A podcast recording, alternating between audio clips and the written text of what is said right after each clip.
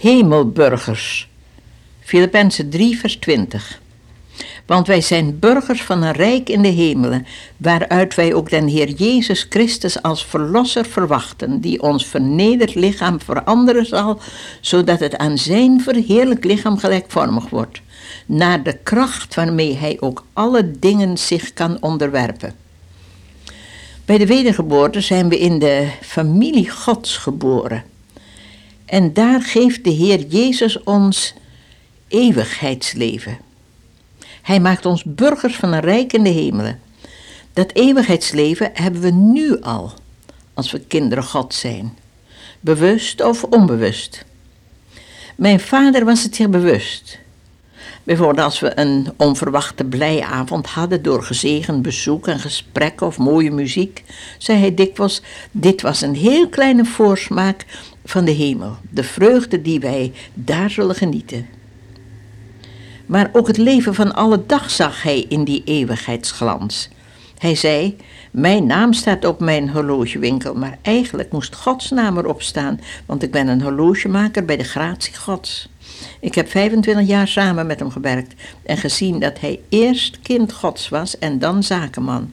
En hoe hij een geheiligd leven leidde in werkplaats en winkel. Om burgers van een rijk in de hemelen te zijn, maakt ons niet wereldvreemd. Want er staat in Psalm 24, vers 1: Ook de aarde is des Heren, met schaders haar volheid, de wereld en die daarop wonen. Maar als ik nou alleen maar wereldburger was, zou ik gevaar lopen wanhopig te worden. Wat zie ik om me heen? Het atheïsme marcheert op over de hele wereld. De onreine wordt steeds onreiner. De toekomst belooft een atoomoorlog, zeggen de mensen. Maar dat is nu het wonder. Wij weten, de aarde is des Heren. Dit alles begrijp je niet met het logisch verstand. Het is de dwaasheid Gods die alleen door geloof te vatten is. Ik zag in een afschuwelijke hoek van een nazi-concentratiekamp, waar lijken in een washok op de vloer gelegd waren. Degenen die zich wilden wassen moesten er overheen stappen. Ik zag daar een stukje burgerschap van de rijk in de hemelen. Het was het dode gezicht van Betsy, mijn zuster. Er was een hemelse vrede en blijdschap te zien.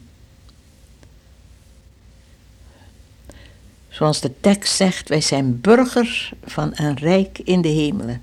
In het huis mijns vaders zijn vele woningen, vertelde de Heer Jezus eens. Ik ga heen om u plaats te bereiden. Wanneer ik heen gegaan ben en er een plaats bereid heb, kom ik weder en zal u tot mij nemen, opdat ook gij zijn moogt waar ik ben.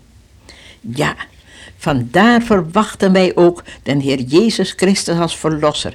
En de tekenen der tijden van zijn wederkomst zijn heel duidelijk, zodat het heel gauw gebeuren kan.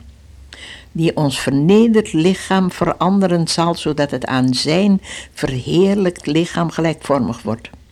We weten iets van Jezus' verheerlijk lichaam, door wat de Bijbel ons vertelt.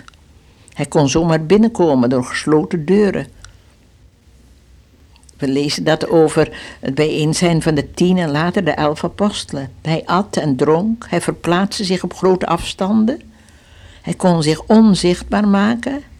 Lees maar het verhaal van de Emmausgangers. Maar het belangrijkste was, Jezus verheerlijkte lichaam had geen zonde, geen ziekte, geen dood. Ons gelijk maken aan zijn verheerlijk lichaam. De reiniging begint hier al. En dat moet ook. Als Johannes spreekt over de wederkomst, zegt hij: Die deze hoop heeft, reinigen zichzelf zoals hij rein is. Hoe? Het zien op Jezus maakt ons tot spiegels van zijn liefde. Paulus zegt in 2 Korinthe 3, vers 18: Wij allen die met een aangezicht waarop geen bedekking meer is, de heerlijkheid des Heeren weerspiegelen, veranderen naar hetzelfde beeld van heerlijkheid tot heerlijkheid, immers door den Heer die geest is. Toen de Sadhu Sundar Singh in Engeland was en ergens aanbelde, zei een klein meisje: Mami, daar staat Jezus. De Sadhu had zoveel op Jezus gezien dat hij iets van Jezus uiterlijk had ontvangen. Ik heb hem zelf gezien toen ik jong was. En ik kan me voorstellen dat Jezus er zo heeft uitgezien. Ja, voor een Sadoek kunnen we het misschien accepteren. Maar deze tekst van Filippenzen 3, vers 20 schrijft over u, over mij. Is dat nou mogelijk? Naar de kracht waarmee hij ook alle dingen zich kan onderwerpen. Er is een opstandingskracht zo sterk dat Jezus alle dingen kan onderwerpen. Die, en die kracht is sterk genoeg om ons, kleine, nietige, zondige mensjes, zo te veranderen dat we gelijkvormig worden aan Jezus' verheerlijk lichaam. Alle dingen zal Hij zich onderwerpen. Dat is de heerlijke toekomst. In Filippenzen 2, vers 10 staat: In de naam van Jezus zullen alle knieën zich buigen van hen die in de hemel, op aarde en onder de aarde zijn. Alle tong zal beleiden: Jezus Christus is Heer, tot eer van God en Vader. Zal Hij dan uw rechter of uw heiland zijn? Weet u dat u geheiligd, apart gezet bent voor zo'n heerlijke realiteit? Ik weet op wie ik mijn vertrouwen heb gevestigd en ik ben ervan overtuigd dat Hij bij macht is hetgeen Hij mij toevertrouwd heeft te bewaren. Tot die dag, zegt Paulus. En dat kunnen u en ik ook zeggen.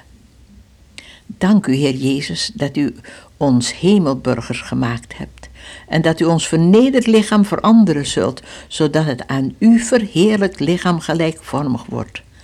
Dank u, Heer, dat het beste nog komt. Amen.